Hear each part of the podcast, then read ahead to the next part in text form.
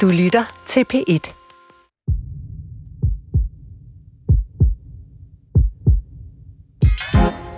Hvad har en lang række sygdomme til fælles?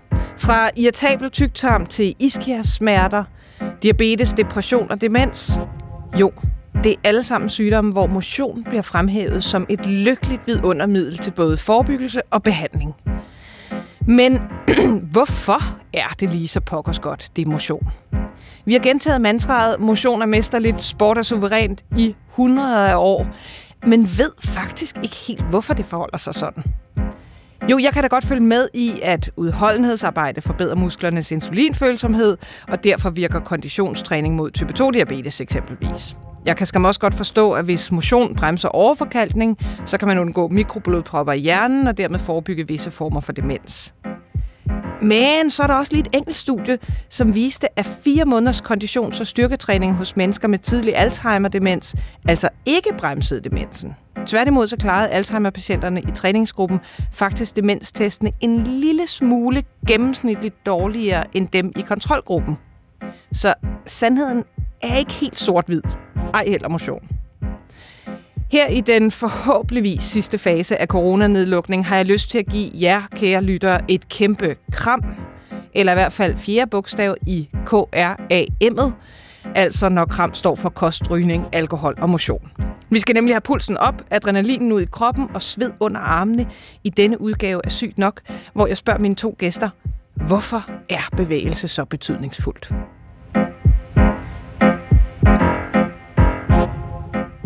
Mit navn er Maja Thiele, og jeg bevæger mig et par gange om ugen på min cykel fra Odense Universitetshospital til Munkebo, hvis altså jeg ikke lader mig bevæge af pendlertoget øh, hjem mod min lejlighed i København.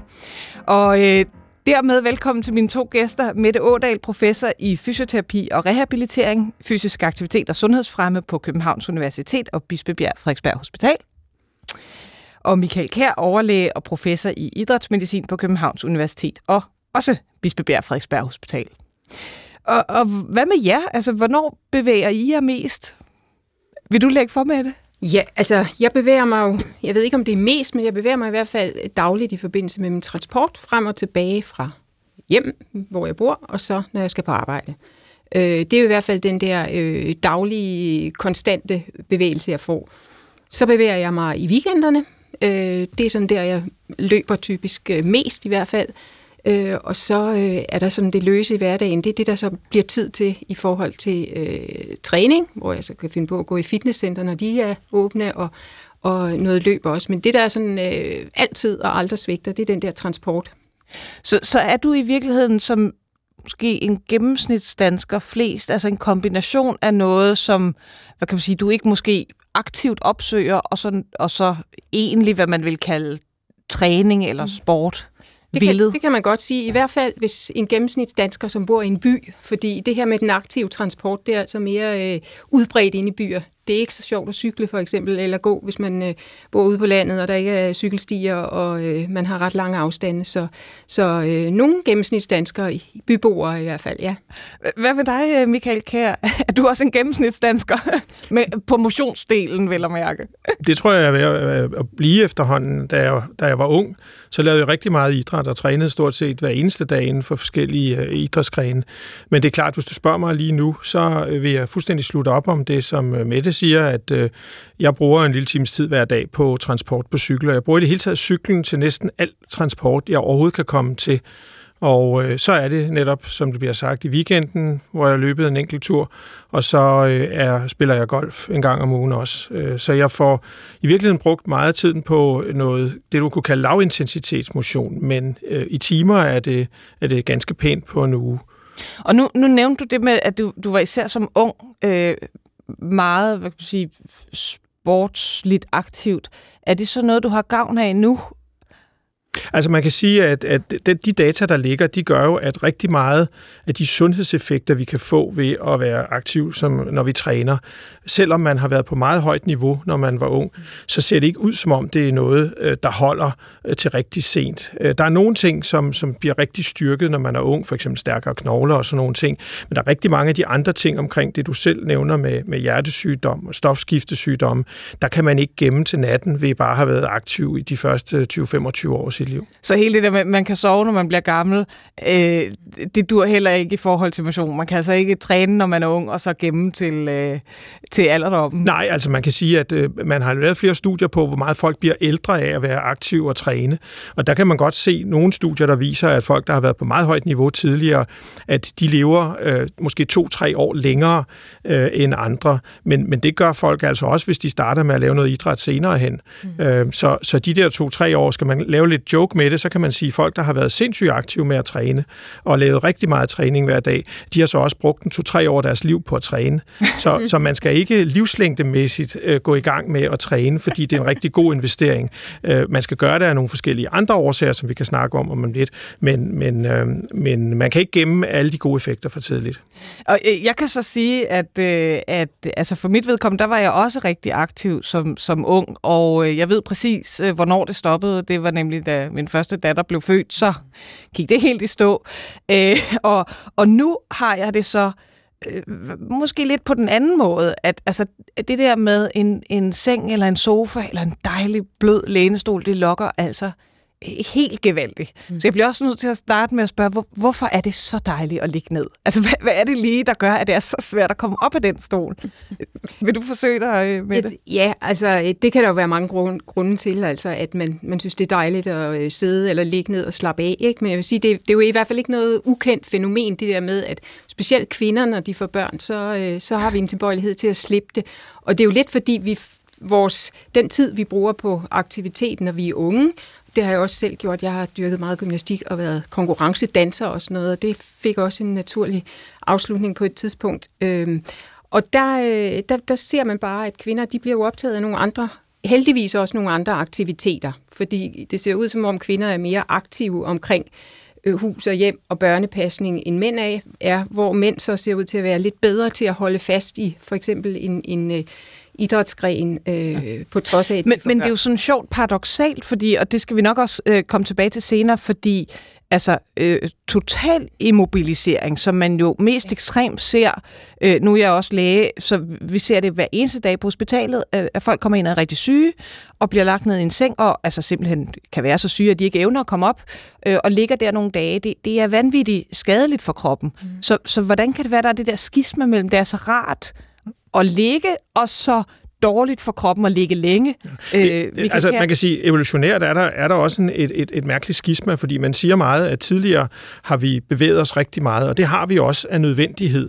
Og der har været et helt sådan, kan man sige, det der var sundt, men det var altså fordi, man var jæger eller samler, men når man gør de tider op, som, som de daværende kan man sige, beboere de brugte på at være fysisk aktive, så gjorde de det, når de var af nød for at få skaft til føden. Men så snart de havde mulighed for det, øh, så hvilede de altså.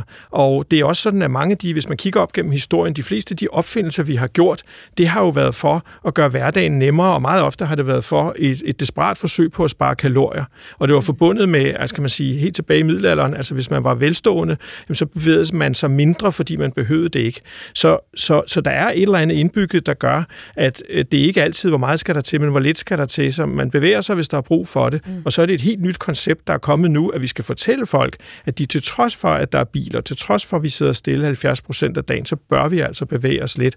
Men præcis hvorfor det er sådan, og hvad er det for nogle signaler i hjernen, der gør, at vi ikke straks, når vi har siddet et kvarter i, i sofaen, som du har, mm. for, øh, enten, så skal det være, fordi du får dårlig samvittighed, men der er ikke det der signalstof, der siger... At det er i hvert fald ikke min krop, der fortæller mig det. Nej. Men, men, men det, er jo, det er jo sjovt, du siger, at vi har, altså, vi har opfundet noget, som skal gøre ja, livet fysisk lettere for os, øh, lige indtil kondicyklen jo så blev opfundet, fordi på et tidspunkt så ændrede det sig jo. Men, øh, men jeg tror, hvis du spørger, hvis du spørger kostforskere, så vil de jo også sige, at hvis der er fri adgang til slik, så vil folk også rigtig begynde at spise slik, men kun til en vis grænse. Og det er det samme, der sker her, fordi på et eller andet tidspunkt, når du har ligget længe nok på sofaen, så får du også sådan en anelse selvlede, og så kunne du godt tænke dig, at skulle ske lidt andet end det. Så det er sådan en balanceakt mellem, at, at vi skal nok notche og måske også lave nogle strukturer i samfundet, så folk bliver opfordret eller bliver tvunget til at være lidt aktive. Og så har du stadigvæk det frie valg, så du får et par timer på sofaen, hvis det er det, du gerne vil. Med vi skal også, vi skal også anerkende, den, at den der restitution, den her restitution er jo også vigtig, trods alt. Ikke? Nu, nu er inaktivitet og især sådan stillesiddende adfærd, som man jo også taler meget om, det her med, altså netop, man sidder og eller ligger og i vågen tilstand med meget, meget lavt energiforbrug. Ikke? foran en skærm typisk. Eller det, det, det er jo blevet sådan demoniseret en lille smule, ikke? men, men øh, til, til forskel fra tidligere. Tidligere var restitution jo virkelig, virkelig vigtigt, fordi rigtig mange mennesker havde det her meget, meget, meget hårde hverdagsliv med en meget, meget hårdt fysisk arbejde, hvor restitutionen var utrolig vigtigt og hvilen. Ikke? Og det, der er jo sket det her enorme skift i hvert fald.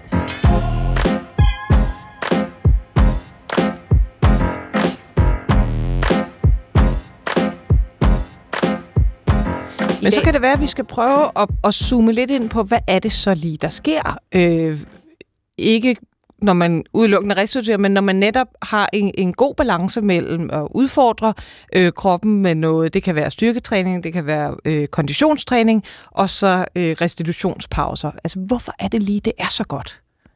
Altså, man, man kan sige, at i virkeligheden så går meget træning ud på at nedbryde sig selv en lille smule, for at man så til gengæld bliver bygget op til noget bedre. Det ved alle idrætsfolk, altså det de kalder superkompensation, at man bruger nogle af sine energilager, man ødelægger i virkeligheden lidt af vævet, men så bliver man stærkere et par dage senere. Så der er altså den der balance mellem, at, at man gør noget ved vævet, som lige umiddelbart måske virker lidt voldsomt, men så kommer man sig igen, og så kommer man op på et stærkere niveau, end man var før. Man får lidt mere muskelmasse, ens hjerte bliver lidt stærkere.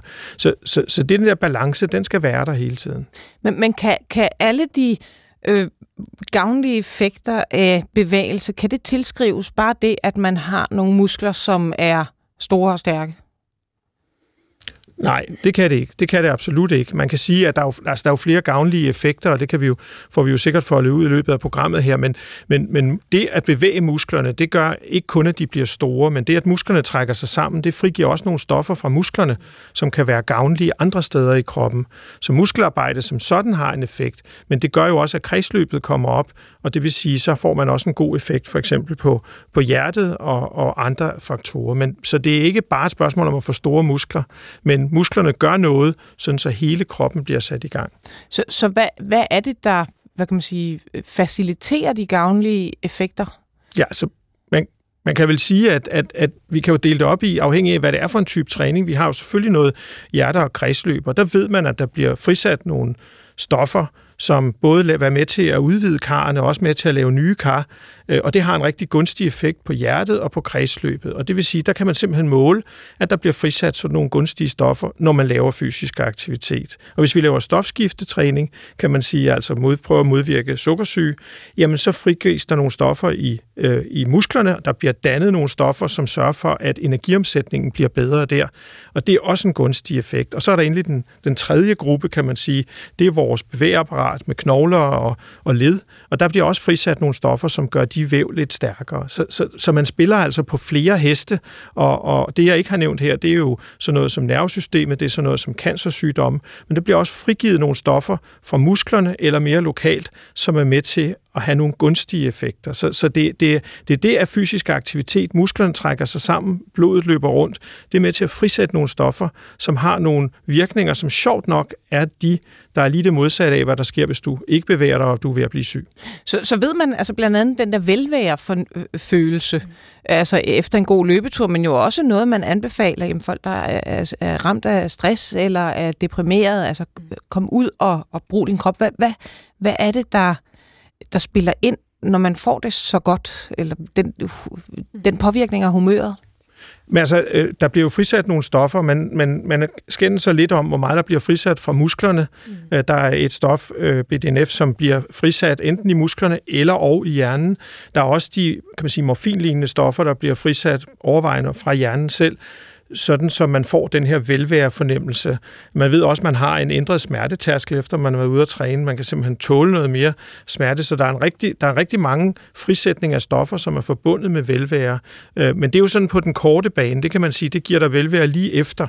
Hvis det så er med til, at du får lyst til at træne igen, så er det jo godt.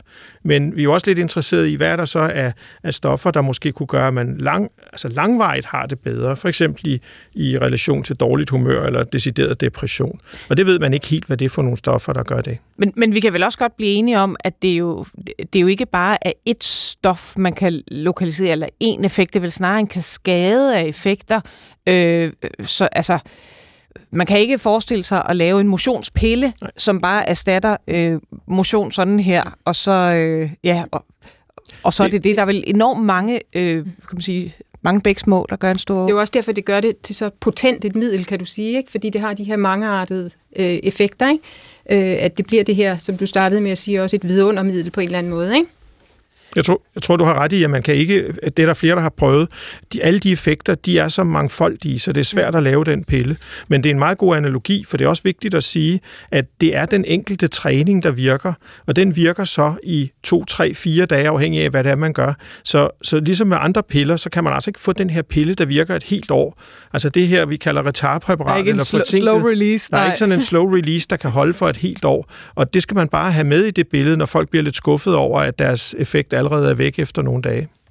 Men der, der er hele den her adfærdsmæssige side af sagen også, ikke? Altså hvor det her med, du startede med også at tale om, hvad, hvad der skete, hvis man havde været fysisk aktiv og dyrket idræt som, som barn og ung, og hvad der så skete op i alderdommen. Sådan hele det her adfærdsmæssige og vanemæssige, hvis du er vokset op i en familie, hvor det har været almindeligt, at man dyrkede motion, og du selv har været vant til at gøre det, så kan det godt være, at du stopper med en idrætsgren øh, på et tidspunkt. Det kan være på grund af skader, eller på grund af, at du får børn, eller et eller andet. Men hvis du har det her med motionen som en indbygget vane og adfærd i, i dit liv, så finder du noget andet at gøre. Og så derfor er det ikke, ikke kun de, de, sådan de fysiologiske effekter af det, kan man sige, men, men hele den her adfærdsmæssige side af det spiller jo også en rolle. Øhm, og at det, der, der bærer det videre. Ikke? Så, så du fortæller mig i virkeligheden, at jeg skal måske ikke have så dårlig samvittighed over, at jeg ikke tilbringer lige så meget øh, tid på, på landevejscyklen, som jeg gjorde før, men mere være glad for, at jeg måske øh, har det lidt på ryggraden og få noget bevægelse hver dag? Eller? Altså hvis du ligger mange timer i sofaen, så, så er det jo ikke helt godt nok alligevel. Men, men det behøver ikke at være på landevejscyklen. Du kunne gøre noget andet. Så så længe du får motion på en eller anden måde, øh, så er det godt. Og så længe du registrerer, at du burde få det, og så reagerer på det, vil jeg sige. Ikke? Jo, og når du selv øh, nævner, at du på et tidspunkt, ja. du ved præcis, hvornår du holdt op med at træne rigtig meget, så kan man sige, der er, og det har flere studier vist, der er den her, man kunne kalde en psykologisk parathed. Mm. Det vil sige, det drejer sig ikke om dårlig samvittighed, men hvis du, bliver, hvis du kommer i det rette, øh, rette omgivelser, og der er en fodboldbane, og der ligger en bold, og der er nogle mål, så hvis du aldrig har lavet idræt før, så vil du sige, hvad skal det bruges til? Mm. Men hvis du har gjort det før, så kommer du måske i gang igen, enten fordi dine børn laver noget, eller fordi der er nogle omstændigheder, der gør det. Men du skal nok lidt udsættes for det, og måske notches lidt. Men, men, men altså, for lige, for lige at holde fast i det med, med bevægelsen, og, og ikke øh, og lidt væk fra min, mine sofaskavanker, så, så, så, øh, så lyder det som om, altså, for jer, der al bevægelse tæller. Eller al bevægelse er god bevægelse, eller hvordan? Altså i hvert fald, så det, det, er, meget, det er meget interessant, der, der er kommet nogle nye anbefalinger fra WHO sidste år. Og deres sådan slogan hedder Every Move Counts. Øh, Øh, som, og de forsøger netop at være inkluderende på den måde, og fokuserer meget på, at det her, at, at alt hvad du gør, alt hvad du kan gøre af fysisk aktivitet, om det er på let eller moderat eller høj intensitetsniveau, så er det bedre end ikke at gøre noget. Og øh, det, det adskiller sig lidt fra de tidligere anbefalinger, som har foreskrevet, at man skulle have, det var kun ligesom 10 minutters portioner, der talte. 10 minutters portioner af minimum moderat til hård intensitet, der ligesom talte med i, i det her, i de 150-300 minutter, man gerne skal have om ugen. Ikke? Øh, men, men det er sådan faktisk et væsentligt skift, at man, øh, man nu mener, at, at det hele tæller med. Det vil sige, også det du gør i din hverdag, hvis du løber op og ned ad trappen for eksempel. Hvis du tog øh, trappen op her til øh, øh, til studiet øh, fire gange om dagen, så vil det tælle med i dit regnskab, i modsætning til, hvordan man har talt tidligere. Ikke? Og der er nogen, der, der kalder det, øh, øh, VILPA kalder de det, ikke? altså Vigorous Intensity Lifestyle Physical Activity, altså som udtryk for, at det er de her højintensitetsaktiviteter, som du kan putte ind mange steder i løbet af din dag. Ikke? Og det skal ikke forstås som, at hvis du bare gør det, så behøver du ikke at dyrke sport og idræt og motion osv. Det skal du stadigvæk. Men, men det betyder for dem, som måske af andre årsager ikke har mulighed for at øh, dyrke særlig meget, så skal man ikke opgive og sige, at jeg kan ikke, jeg kan ikke efterkomme de her Jeg kan alligevel ikke nå alligevel, Jeg kan alligevel ikke nå øh, den der halve times øh, struktureret motion. Det skal du ikke gøre. Så de dage, hvor du ikke kan det, så skal du gøre det andet. Men, men altså, så, så hvis jeg står og, og laver mad, så kan jeg i virkeligheden være glad for, at... Øh at der stod jeg op i en halv time, eller er det nede på det niveau?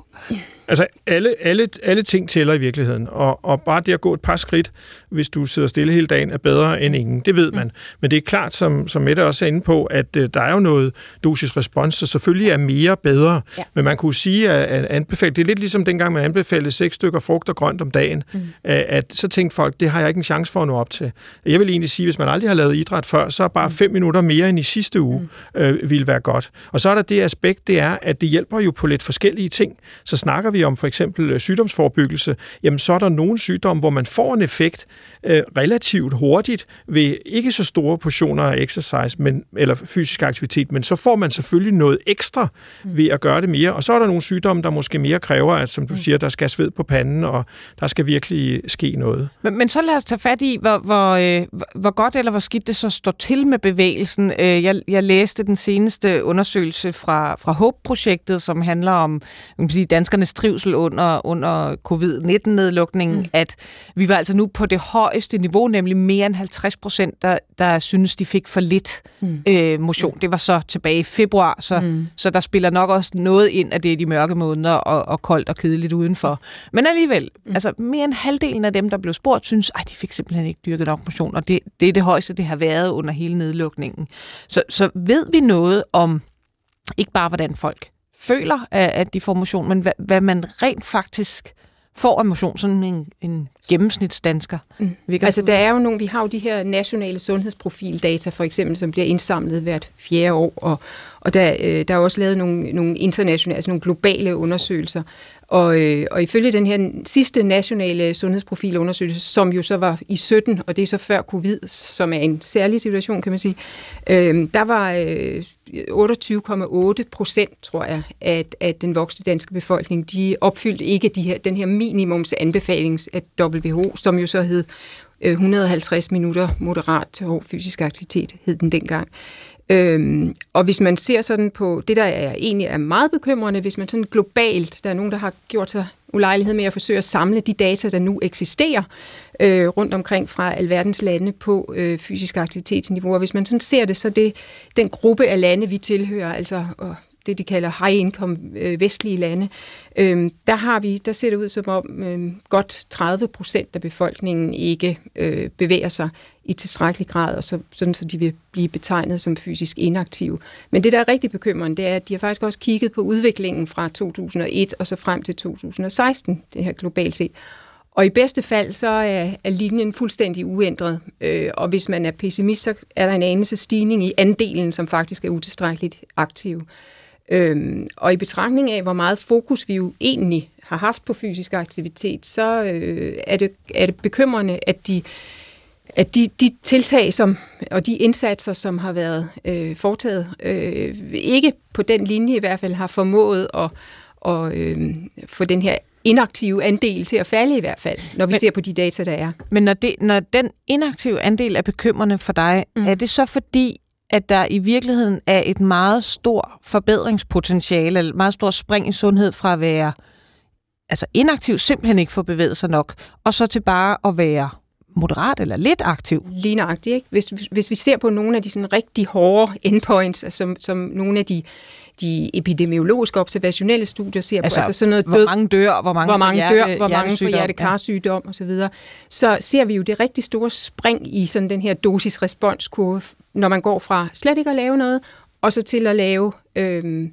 en lille smule. Faktisk er der en, en, det rigtig store, øh, den rigtig store øh, ændring i kurven her sker mellem at lave ingenting, og så til at opfylde anbefalingerne, men faktisk også til at lave bare lidt, selvom man ikke helt når op på anbefalingerne, så kan man godt forbedre det yderligere hvis man over anbefalingerne, og det skal man bestemt gøre, men, men øh, relativt så er stigningen, eller i gevinst, mindre. Så, så håbet er lysegrønt for øh, de p der sidder derude og tænker, oh, jeg får godt nok ikke gjort nok.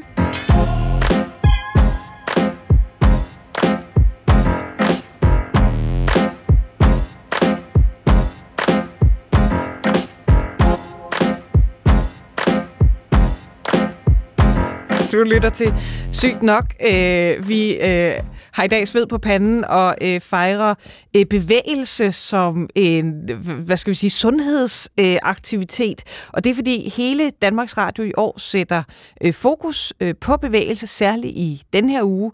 Øh, nu spørger vi, hvorfor er bevægelse så egentlig så sundt, og hvordan er det sundt, ikke, mind, øh, ikke mindst. Øhm, og, og lad os nemlig holde fast i, i hvordan er det sundt. Øh, så Michael Kær, du, du nævnte før, øh, hvad kan man sige, de gavnlige effekter af bevægelse. Når man så ser på, på, øh, på sygdomme, forskellige sygdomme, hvor er det så, at bevægelse er særlig vigtig? Altså man kan sige, at der er, øh, der er jo nogle sygdomskategorier, hvor der er virkelig, vi plejer at kalde dem livsstilssygdomme, og, og det blev, du nævnte selv kram i starten, altså det er jo de forskellige risikofaktorer. Det er jo ikke fordi, vi skal gøre fysisk aktivitet til sådan et wonder drug, for det kan ikke klare alt. Men jeg plejer at sige, at enten er der nogle sygdomme, hvor man fuldstændig kan forebygge dem ved at være fysisk aktiv, og der kan vi lige så godt være ærlige. Det kan man nok ikke fuldstændig gøre. Men der vil være nogen, hvor man virkelig kan influere, at det bliver øh, overhovedet udvikler sig, og virkelig har en stor effekt. Og det er typisk øh, omkring hjertekarsygdom, det er omkring de stofskiftemæssige sygdomme, typisk øh, type 2 øh, sukkersyge. Og så er der en lang række sygdomme, hvor man kan få det lidt bedre ved at gøre noget fysisk aktiv, hvor det ikke gør en fuldstændig rask, men hvor man kan få alle de andre sundhedsmæssige effekter. Hvis man for eksempel er syg i nyrerne, så kan man godt få noget ud af at træne, så hjertet eller musklerne bliver bedre. Og så er der endelig nogle få sygdomme, hvor man må sige, at der skal man måske nok lige øh, holde lidt igen. Men det er et meget, meget lille antal øh, sygdomme. Så, så vi er lidt tilbage til ja, det, den, det holistiske øh, øh, behandling, fordi det, det øh, man kan sige, der er, jo, der er jo tit noget medicin, som i virkeligheden, hvis man måler på enkelt parametre, øh, virker bedre. Jeg prøvede øh, at finde ud af, hvad, hvordan virker et gennemsnitligt blodtryksmedicin, for eksempel. Og der kan man sige, jamen sådan, som, som gennemsnit, så kan blodtryksmedicin sænke blodtrykket med 10-15 mm kviksøl, måler man det i. Øh, og, og, og så fandt jeg nogle andre studier omkring træning, og der lå træningens effekt øh, på cirka halvdelen af det. Ja. Så der kunne man jo, hvis, hvis man var meget, meget let konkludere, at jamen, så skal der hellere tage en, en pille end at dyrke træning.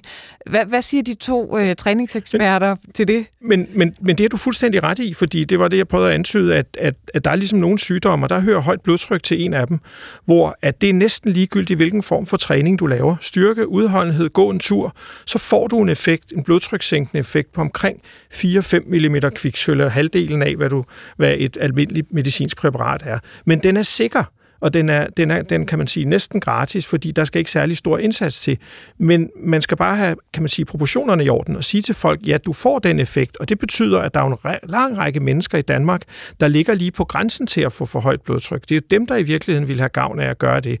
Men jeg vil aldrig drømme om at sige, at fysisk aktivitet er det eneste, du skal bruge der, men det skal gå sammen med noget af det andet. Men hvis du så kigger på for eksempel hjertekarsygdom, altså forkalkning i kranspulsårene, eller type 2 diabetes, altså øh, det, der tidligere hed gammelmandssukkersyge, men jo lige frem er rykket til noget yngre alder, så kan man sige, at så har du en effekt på cirka 30-40 procent, øh, i stedet for at du havde den her, øh, kan man sige, ganske få procents effekt ved højt blodtryk. Men der skal måske så til gengæld noget, noget mere til. Og kigger du på nogle af de forskellige cancerformer, specielt tarmcancer, så ser det ud som om folk, der træner regelmæssigt, de har kun den halve risiko for at få cancer i tarmen af dem, som ikke træner. Så, så, så det bevæger sig mellem meget lille effekt, men sikker effekt, og så til en meget stor effekt. Mette Ådal? Det andet, jeg også synes, man skal huske i forhold til de her forskellige sygdomme, så er, fordi du har en kronisk sygdom, det kunne også være øh, ledegigt eller øh, andre sygdomme, så er du jo i, så er du stadigvæk i risiko for at få alle de andre sygdomme. Du er stadigvæk i risiko for at få hjertekarsygdom og type 2 diabetes.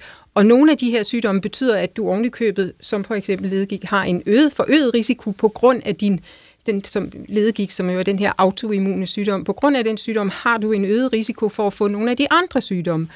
Og den risiko øh, kan du så påvirke ved at, at øh, være fysisk aktiv. Og, og selv de sygdomme, hvor du ikke kan gå ind og påvirke selve øh, sygdomsmekanismerne, der kan du have, have, have god gavn af at mindske din risiko for andre sygdomme. Du har, det har også en effekt på din, dit velbefindende, din trivsel og din livskvalitet, og måske også på dine symptomer i mange tilfælde. Men, men der er vel også noget forskningsmæssigt meget svært her, fordi øh, jeg vil jo øh, sige typisk, øh, at det den person, mand eller kvinde, som øh, er ude hver dag på sin cykel og aktivt øh, opsøger øh, øh en tur ud i, i, i skoven med løbeskoene på osv., osv., det er altså også dem, der øh, sørge for at spise øh, fiberigt og grønt. Øh, det er også dem, der er opmærksom på ikke at drikke for meget alkohol øh, og, øh, og, og, øh, og, og, og ikke ryger. Så, så vi har været igennem alle KRAM-faktorerne her. Ikke? Så, så hvordan adskiller man de effekter øh, fra hinanden? Det er jo så det, man prøver at gøre ved, ved at, at øh, i, de, i sine studiedesigns, når man laver de her studier. Ikke? Hvis vi snakker om sådan nogle de her observationelle studier igen, så forsøger man jo at måle alle de her faktorer, altså netop øh, også dit uddannelsesniveau og din, øh, netop din kost, som du siger, og hvorvidt du ryger, og hvor meget alkohol du drikker, og om du har andre sygdomme osv., så forsøger man jo at tage højde for de faktorer, så man får så, så, et, så ren en sammenhæng mellem aktiviteten og så den her, øh, øh det udfald, den sygdom, du kigger på. Ikke? Michael, og, så, og, så tror, og så tror jeg, det er helt vigtigt også at slå fast, at, at det er fuldstændig rigtigt, at der kan være nogle, nogle andre faktorer, men når man kigger på folk, som for eksempel har et velkendt alkoholmisbrug, eller som ryger, eller som har nogle virkelig svære sygdomme, så ser det ud som om, at fysisk aktivitet stadigvæk har en isoleret effekt. Mm. Så den meget overvægtige har stadigvæk effekt af træningen, men det ville da være bedre, hvis vedkommende både tabte sig og var overtrænet. Men der er en isoleret effekt, der ser ud til at være der, til trods for, at man har andre risikofaktorer. Det betyder jo ikke, at man nødvendigvis skal have sådan et regnskab, hvor man siger, at jeg kan godt spise usundt, fordi til gengæld træner jeg, fordi det kommer så til at gå lige op. Men der er en isoleret effekt. Men, men lad mig så prøve øh, endnu en gang øh, et forsøg på at rise en lille smule i, i øh, jeres overbevisning. Øh, Andreas Holtermann, som er en dansk forsker fra det Nationale Forskningscenter for Arbejdsmiljø, øh, han har netop øh, været med til et studie, som analyserede folks fysiske aktivitet i Østerbro-undersøgelsen. Og, og der var to øh, øh, meget interessante ting, som jeg i hvert fald fik ud af det. For det første, så var der en stor forskel på, om det var hvad kan man sige, arbejdsrelateret fysisk aktivitet eller øh, øh, fritidsrelateret fysisk aktivitet.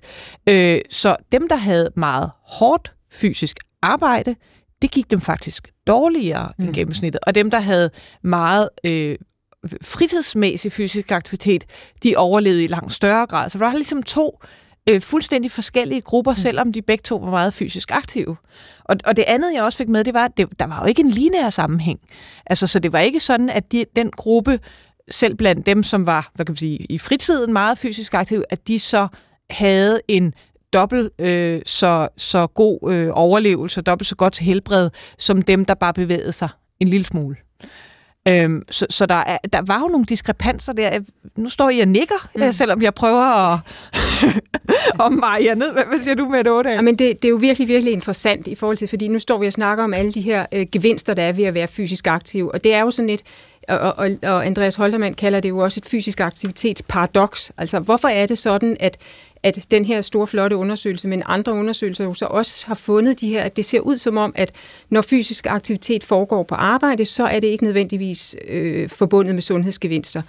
Øhm, og det kan jo godt hænge lidt sammen med noget om det her med, med, med restitution, for eksempel, som vi talte om før, ikke? fordi det, har, det er en fuldstændig forskelligartet øh, sammensætning af fysisk aktivitet, du har, hvad enten det er i din fritid eller på arbejde. I fritiden, der vil det typisk være tilpasset øh, dig, Altså, jeg, jeg dyrker fysisk aktivitet, som det passer til mig, kan man sige. Ikke? Øhm, og det er som regel over nogle relativt kortere perioder, og det foregår med, noget af det i hvert fald med, med høj intensitet, som en intensitet, der, der er høj nok til at kunne være forbedre min, eller vedligeholde min kondition.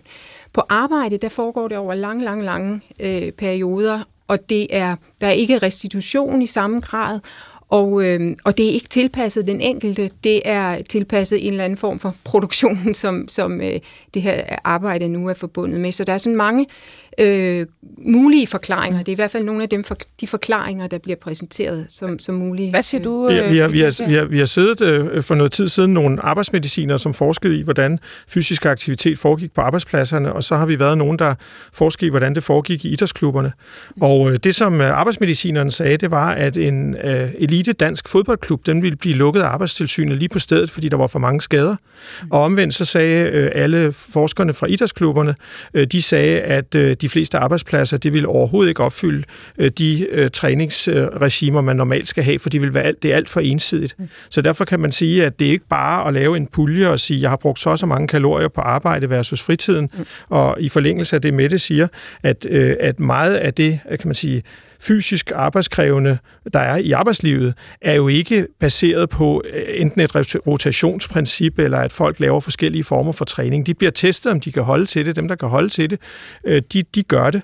Men der er sørme også nogen, der får nogle, øh, nogle belastningsskader. Men, men du var selv ude at sige før, Michael Kjær, at når det handlede om hjertekarsygdom, en af de helt store dræbere øh, herhjemme, så, så kunne man egentlig gøre hvad som helst af træningen. Alt var godt. Ja, altså i relation til, til højt blodtryk, så er det fuldstændig rigtigt, ikke? men man kan sige, at hvis man laver præcis den samme bevægelse, så kan det godt være, at den gunstige effekt, du har på blodtryk, den bliver overhalet af, at du får ondt i et led, og så får du øh, tidligere udvikling af slidgigt i, i et eller flere led. Så der kunne sagtens være nogle konkurrerende øh, øh faktorer.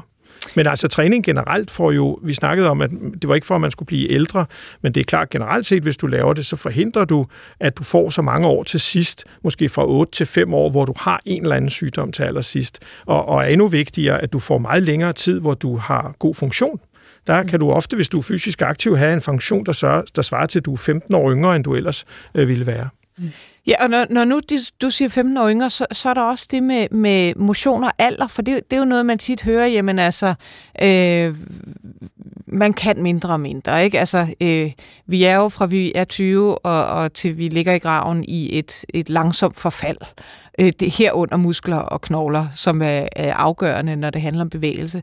Hvordan ser det ud, når man når op, øh, jamen lad os sige over 75, og, og, og skal vedligeholde øh, muskelkraft Jamen altså, det ser godt ud, men du er fuldstændig ret. Selvfølgelig øh, begynder det at, kan man sige, dale, og det, der er interessant, det er, at vi bliver ældre og ældre, og det virker som om, at der er nogle dele af kroppen, som for eksempel ledene, brusken i ledene, det ser ikke ud som om, det er rigtigt er designet til, at vi skal blive 90 eller, eller 100, eller i hvert fald ikke, at vi skal løbe på dem.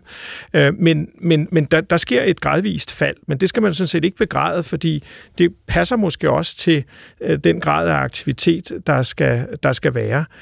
Men men trænerbarheden og den evne, man har til at influere det ved at være fysisk aktiv, den er sådan set bevaret. Det er rigtigt, den bliver lidt mindre, så hvis man er 90, så kan man godt få lidt større muskler, men de kan ikke blive lige så store, som de var før. Og vi ved fra studier, at hvis man er meget veltrænet, hvad enten det er kondition eller styrke, jamen så det, kan man godt være ude for en, der er 70, er lige så, øh, i lige så god form, har lige så mange muskler, lige så godt et hjerte, som en, der er 20 men altså en 20-årig, der ikke træner. Så, så der kan være en 40-50 års forskel på nogen, der har gjort det hele livet. Hvis vi snakker om nogen, der først starter senere, lad os sige, man er blevet 75 og tænker, jeg vil egentlig godt i gang med noget nu, så plejer jeg populært at sige, så kan måneder blive til år. Det vil sige, at træner man i, en, i fem måneder, jamen så bliver man faktisk, hvad der svarer til fem år yngre med hensyn til muskler. Det er klart, den fortsætter jo ikke linært, for ellers så kunne man gøre sig meget ung, øh, bare ved at gå i gang. Men, men der er en ufattelig god gevinst af det, og når vi kommer op i den, i den høje alder, man kan sige, folk, der er 85, de behøver måske ikke træne, fordi de vil undgå overforkalkning. De skal måske mere undgå, at de falder, eller at de øh, ikke kan komme op altså, fra stolen. Og det vil sige, der er der ofte value for money ret hurtigt, og det vil sige, at man får med det samme noget, man kan mærke, man kan bedre komme op ad trappen, man kan bedre rejse sig fra en stol. Og, og nu bruger vi jo sådan træning lidt i, i flæng, altså, men der er jo, hvad kan vi sige, måske to store grupper, ikke? Der, der er træning, som handler om muskelstyrke, altså øh, hvor god er man for eksempel til at øh, ja, øh, øh, øh spark med øh, benet mod modstand, øh, og så er der øh, det, man klassisk vil kalde konditionstræning, altså iltoptagelsen, hvor, hvor god er øh, muskulaturen til at suge øh, ilt ud i blodet øh, og bruge det. Og, og, og hvordan er det med alder og de to ting? Altså er der er, er, er konditionsmulighederne øh, bedre end, end den muskelmæssige mulighed, eller ligger det stadig øh, det, det, på niveau? Det ligger nogenlunde på niveau, øh, og det vil sige, at øh, evnen til at blive bedre øh, i, kan man sige, for hjertet til at pumpe og musklerne til at bruge ilten versus øh, muskelstyrke, det falder nedad nogenlunde øh, jævnt. Men, men det man kan sige, det er, at specielt det med muskelstyrken, det kommer til at betyde noget, når man er rigtig gammel. Øh, og der betyder det øh, meget mere. Men man kan sige, der er jo tre, man sige, du var inde på, at der er noget med styrke, der er noget med udholdenhed, men man skal så også sige, der er jo noget med, med hjertet, altså det, der går på, når man arbejder rigtig hårdt, men det at bare gå en tur, hvor man sådan set måske ikke bliver stærkere i hjertet, men det, det gør altså, at musklerne bliver bedre til at øh, forbrænde, specielt forbrænde fedt, og det vil sige, at det kan altså også have det, man kalder sådan en metabolisk fitness, altså at man bliver sund i musklerne, hvor det andet kalder vi jo mere kardiovaskulær fitness, mm. og så er musklerne, det giver så det funktionelle fitness. Med ja, og det her med, med, med funktion, altså fysisk funktion, bliver jo vigtigere og vigtigere med alderen, kan man sige, fordi det har sådan en afgørende betydning for, hvilken hverdag du kan have. Altså det her med, er din ganghastighed tilstrækkeligt høj til, at du kan nå over, et, et, øh, når der er grønt lys i en fodgængerovergang, og kan du rejse dig op, kan du færdes rundt omkring, kan du være selvhjulpen, og, og, og, og man kan være nogenlunde sikker på, hvis du holder op med at gøre tingene, altså, så mister du lynhurtigt evnen. Ikke? Så den her funktion bliver jo virkelig, virkelig vigtig også øh, med alderen. Men, men altså, nu lyder det jo som om, at hvis jeg ikke øh, kommer op på hesten igen og, og kommer i gang øh, med de der øh, x antal minutter om dagen, øh, så, så kunne jeg lige så godt øh, gå en tidlig øh, grav i møde og et, et dårligt øh, liv, hvor jeg går og, og falder og har det elendigt. Ved man noget om, altså, kan man sætte år på, hvor meget længere lever man, hvis man er fysisk aktiv versus inaktiv? Ja. Og så glemmer vi alt om det med kostrygning og alkohol. Det, det, det, det kan man godt, og man kan sige, at de fleste studier viser, at de her måske 3-4 år længere liv for folk, der er fysisk aktive i forhold ikke være aktive. Og da jeg før nævnte det her med, at så bruger man også noget tid på at træne, så, så, så det går nogenlunde lige op. Men det interessante er, at det er ikke sådan, at folk, der har trænet enormt hårdt, at de lever meget længere, så det ser ud som om, der er den her, det her antal år. Men så er det sådan, at de sidste år, hvor du er syg, inden du dør, har en eller anden sygdom, de bliver også afkortet. Så, så det, du kunne kalde sygdomsfrie år, øh, det bliver forøget noget mere. Det vil måske oppe på, på en seks år. Øh, og så endelig det her faktum, at din funktion, altså den tid, hvor du stadigvæk selv kan bevæge dig, den bliver meget længere, og den kan ofte blive op til en 10-15 år, øh, øh, sammenligne, altså en 80-årig kan ligne en 65-årig, øh, hvis man er henholdsvis trænet og utrænet. Så derfor betyder det ret meget for ens funktion, og helt bortset fra øh, fysisk aktivitet jo også giver velvære, bedre søvn, en masse af de ting, som ældre mennesker øh, slås med. Så, så der er mange gode grunde til det, men man skal træne, når man bliver ældre, for at få det bedre. Man skal ikke træne for, at, for jeg vil lige vil sige, undgå at dø, for det kommer man til alligevel, men man skal ikke for at udsætte det. Øh, så. Det er vist det eneste, der er sikkert øh, her i livet, men Mette Ådal, du har ja, en kommentar. du kan udsætte du kan, det her aldersbetingede fald i funktionsevne, det kan du skubbe længere frem, ikke? Sådan, mm. så du, du, øh, du netop får nogle, nogle flere øh, sygdomsfrie eller funktions færre år med funktionsnedsættelse. Og nu, år, ja. nu nævnte jeg lidt tidligere, altså noget af det, der virkelig kan ødelægge øh, især muskulaturen, det er sådan en indlæggelse på hospitalet. Øh, og og det, der, der anslår man, altså især hos de netop ældre patienter over 65 år, jamen altså sådan en sige, ufrivillig indlæggelse, øh, som man ikke havde set komme, det, det er altså en ud af tre, som er i risiko for øh, simpelthen slet ikke at kunne det, som de kunne, før de blev indlagt på relativt kort tid.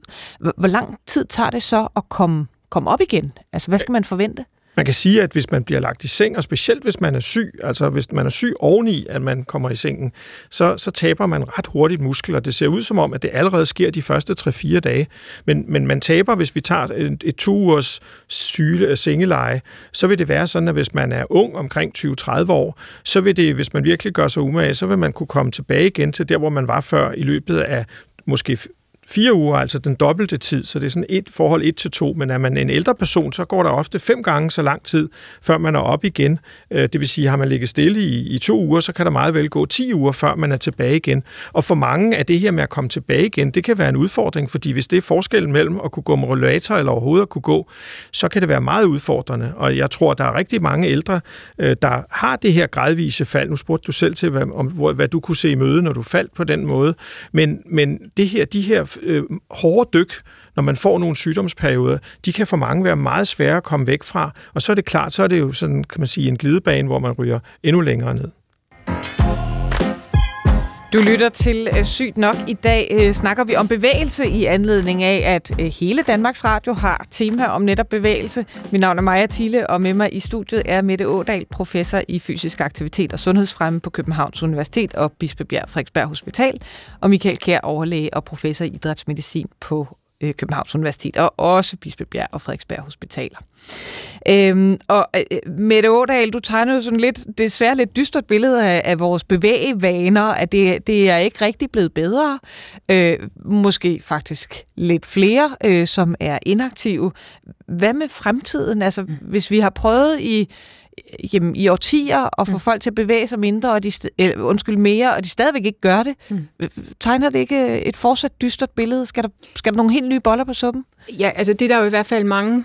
Øh mange af os, må jeg sige, der, der mener, at der skal, ikke? Fordi det er, det er det her med sådan, det, det er jo komplekse det er jo en kompleks problemstilling, og, og det er der sjældent sådan et meget enkelt svar på, så det kræver jo en, en meget øh, bred øh, indsats, og der er jo blandt andet nogen, der har foreslået sådan en folkesundhedslov, øh, øh, lov, som øh, kunne sikre, at det her med, med bevægelse blandt andet, sundhed og trivsel og lighed bliver tænkt ind i alle politikker. Det vil sige, hvis vi fokuserer på fysisk aktivitet, så vil det sige, at fysisk aktivitet skal tænkes ind i byplanlægning, det skal tænkes ind i transportpolitik, det skal tænkes ind i kultur- og fritidspolitik, i, altså sådan, så vi får indrettet vores samfund på alle måder, så det inviterer. Altså i virkeligheden den der nudging-tankegang. Øh, det kan du sige, ikke? Nudging eller invitering. Mm. Og invitere til fysisk aktivitet. Og, og den interesserede lytter kan øh, måske øh, høre et tidligere sygt nok program, hvor vi faktisk netop har øh, snakket om, om den her mulighed for ja. en, ny, øh, ja. en ny folkesundhedslov. Ja. Hvad siger du, Michael Kjær? Hvad, hvad skal der til?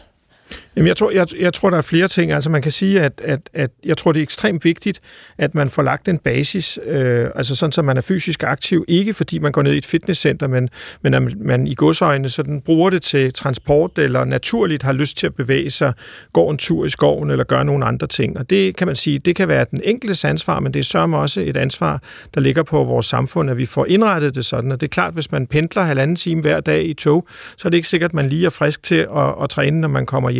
Så vi skal nok sørge for at lave nogle strukturer, det gælder i skolen, hvor jeg tror, vi er vigtigt, at vi får fat på børnene, fordi det ser ud som om mange vaner bliver lagt alle der. Så derfor skal der ligge en bund. Så skal der være mulighed for at lave nogle andre ting ved siden af. Og der tror jeg faktisk, at øh, der har vi rigtig mange gode muligheder, men der tror jeg faktisk, at det er rigtig centralt, at man øh, ikke bare notcher, men at man, kan man sige, indirekte gør det ved, at man er nogle stykker.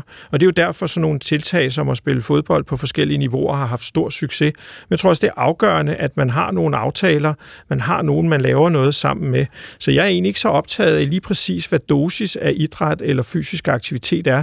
Jeg er mere optaget af, at man gør det. Så kan man altid forfine det senere, når man faktisk fik en god oplevelse ud af det. For vi ved fra mange studier, også med personer, som har forskellige kroniske sygdomme, at laver vi et tre måneders træningsstudie, hvor de har det super godt bagefter. Hvis vi spørger dem et år senere, så er de fleste holdt op igen, til trods for, at de faktisk fik det godt. Ældre mennesker, som får øget funktion, de bliver sjovt nok ved med det, for de kan mærke, at hvis de holder op med det her, så går det helt galt. Men ellers så regner man med, at der går et sted mellem måske 6 måneder og to år, før folk ligesom af sig selv går videre ja. og laver noget. Vaner er svære, svære at ændre. Hvad siger du med det? Jamen, vi skal måske også blive bedre til at, at, at give det plads i sundhedsvæsenet, fordi der er det her øh, uudnyttede potentiale, kan man sige. Der er det, det her store, store øh, forebyggelsespotentiale, fordi vi ved, at du får det bedre. Du kan forebygge de her sygdomme, og hvis du har sygdom, så kan du have stor gavn af at være fysisk aktiv. Og hvis vi i højere grad indretter vores, øh, organiserer indretter vores sundhedsvæsen, så vi øh, tilbyder fysisk aktivitet, ikke bare, i de, altså ikke bare i de fysiske rammer, men sådan, så der faktisk er mulighed for at være fysisk aktiv. Hvis du ikke behøver at ligge i sengen, når du er på hospitalet, så ville det være godt, hvis der var nogle øh, muligheder for, at du kunne bevæge dig, men også i forhold til at tilbyde øh, dem, der har brug for den her ekstra indsats i form af noget individuel øh, vejledning og rådgivning, og sørge for at tænke lidt mere på tværs af de her forskellige sektorer, hospital og kommuner osv. Så, videre. så øh, det, det, det, det er en del af den her overordnede masterplan, øh, så, hvor det er vigtigt, ligesom med skolerne for eksempel.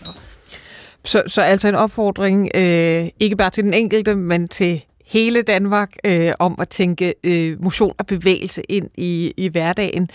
Øh, her til sidst kunne jeg godt lige tænke mig bare lige at tage sådan nogle hurtige øh, øh, Øh, løbe nogle hurtige myter igennem, fordi der, der er også mange øh, måske sådan fordomme eller, eller øh, tanker omkring bevægelse og motion, som, øh, som jeg nu vil udnytte muligheden af at have øh, to af Danmarks øh, bevægelseseksperter i studiet til at svare på. Så, så vi, vi tager lige nogle hurtige myter, og så må I sige, om, det, om I synes, det passer eller ikke passer. Øh, vi starter med dig, øh, Michael Kjær. Er konditionstræning sundere end styrketræning? Nej, det kan man ikke sige. Det virker på en anden måde, end, og de virker på forskellige ting. Øh, skal man altid strække ud efter sport? Man skal strække ud øh, både før og efter sport, hvis man har en idræt, der kræver, at man er smidig. For der er ingen tvivl om, at man bliver mere smidig af at strække ud. Mm. Men der er ikke nogen dokumentation for, at det har en gunstig effekt på øh, restitutionen. Der er ikke noget, der tyder på, at man mindsker antallet af skader, fordi man strækker ud. Så man skal strække ud, fordi man gerne øh, har brug for det i sin idræt. Og så kan man altid diskutere, hvem der ikke har brug for at være lidt smidig i sin idræt. Mm. Øhm, skal pulsen op for, at træning virker? Det kommer jo an på, hvad det er for en slags træning, og hvad det er, du vil, vil opnå, og hvor du er henne, som, øh, som Michael også sagde, om du er ældre, om det er styrketræning eller konditionstræning, og om du primært træner for funktion. Og sådan, så, det, så det kan jeg ikke svare entydigt ja eller nej til. Det kommer an på. Øhm, og der, igen, hvis du, hvis du snakker om træning i forhold til forskellige idrætsgrene, så kan, kan du også have brug for alt muligt andet, altså balance, koordination øh, osv., så, videre. så, øh, så det kommer an på, så vi, vi, lader den, vi lader den være kontekstafhængig. Ja. Øh, Michael øh, Kær, hvis man har ligget stille et par årtier, øh, for eksempel haft travlt med at få børn eller andet, kan man så indhente til tabte? Man kan, man kan komme et langt stykke vej, men man kan ikke komme helt tilbage. Øh, jeg tror, Bob Dylan han synger i en sang, der hedder Mississippi, You can always come back, but you can't come back all the way. Og det gælder altså også i det her princip, at man kommer, ikke, man kommer ikke helt tilbage, men man kommer et rigtig langt stykke. Og der er også noget, der tyder på, specielt musklerne, at de måske godt kan huske, at man har trænet. Øh, sådan så man har nok en lidt bedre evne til at komme i gang igen, end hvis man slet ikke havde lavet noget før. Så den, der har gjort noget før, har måske nogle fordele, men hvor længe man kan huske, at man har trænet, det er et stort spørgsmål. Øh, er elitesport usundt?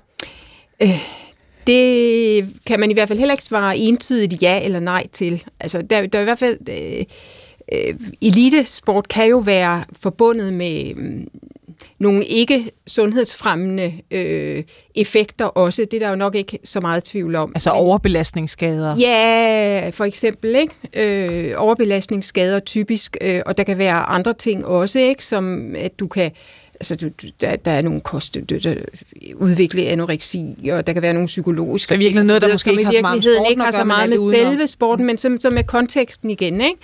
Øhm, og øh, der er ikke, det, det kommer meget an på igen, hvad det er for en type idræt, øhm, men øh, der er nok ikke tvivl om, eller at, at det måske ofte er sundere at, at, for eksempel at træne til et maratonløb, end faktisk at løbe et maratonløb, ikke? Øh, fordi du kommer ud i den her øh, øh, ekstrem belastning. Så øh, ja og nej, vil svaret være. Ja. Øh, Michael, kan du have også lige en kommentar? Jamen det er i forlængelse af det, man kan sige, at øh, den selve, den hårde idrætspræstation, det er en test af, om kroppen kan holde til det. Det svarer til at finde ud af, om bilen kan holde til at køre herfra til Rom. Men det er ikke sundt i sig selv. Det er en test af, om det kan holde. Men det rigtig sunde, det er, at øh, det, det er sindssygt sundt at lade være i gang med træningen op mm. til det. Og det er derfor, at vi synes, det er rigtig godt, at man gør sådan nogle ting. Mm. Øh, og man kan sige, at kroppen er jo, er jo, er jo tilpasningsivrig. Ikke? Man kan også måle, at der kommer nogle stoffer ud, for eksempel fra hjertet, efter man har løbet et maraton, som ikke som ligner noget, hvor man næsten tror, man har fået en blodprop, men det er bare en normal reaktion. Der kommer ting ud af musklerne, hvor man tænker, det der er gået helt galt, og så to dage senere er man fuldstændig frisk, og man er næsten bedre, end man var før. Og så får I lige den, den sidste øh, hardcore her. Altså, øh, kan man træne sig tynd? Nej.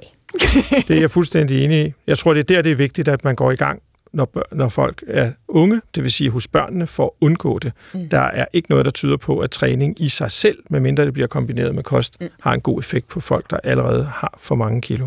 Øh, og det er jeg glad for, du siger, øh, Michael Kær, fordi øh, jeg prøvede at regne ud, altså jeg kan afsløre for lytterne, nu står vi alle sammen op i studiet, så jeg, jeg var inde på sådan en eller anden online øh, regnmaskine, hvor man kunne regne ud, hvor meget ekstra vi så har forbrændt ved at stå op, i stedet for at sidde ned.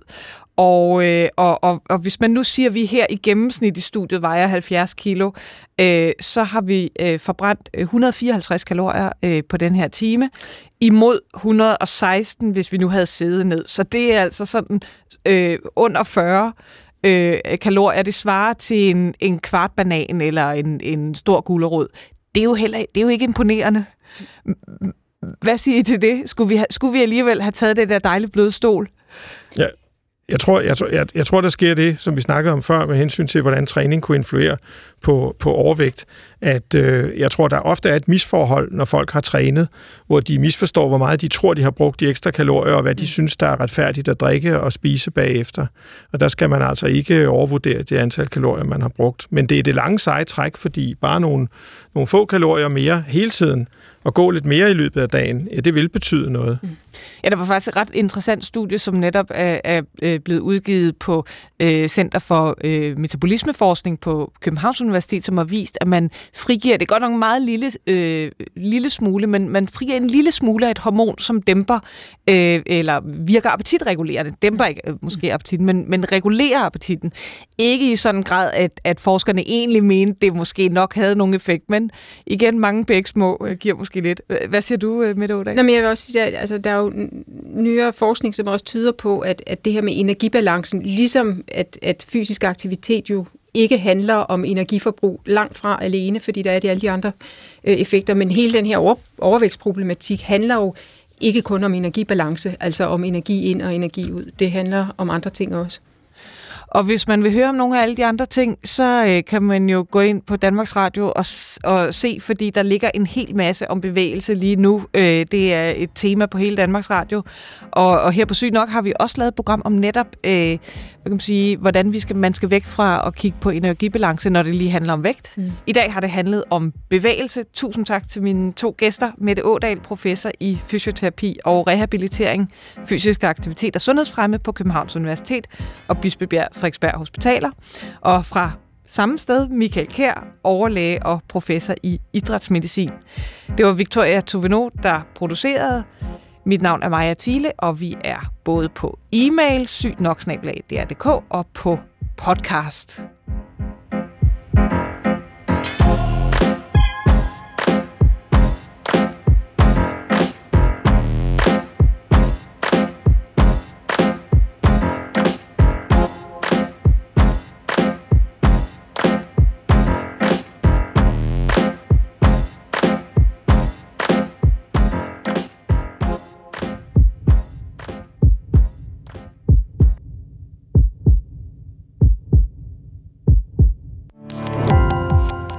Gå på opdagelse i alle DR's podcast og radioprogrammer. I appen DR Lyd.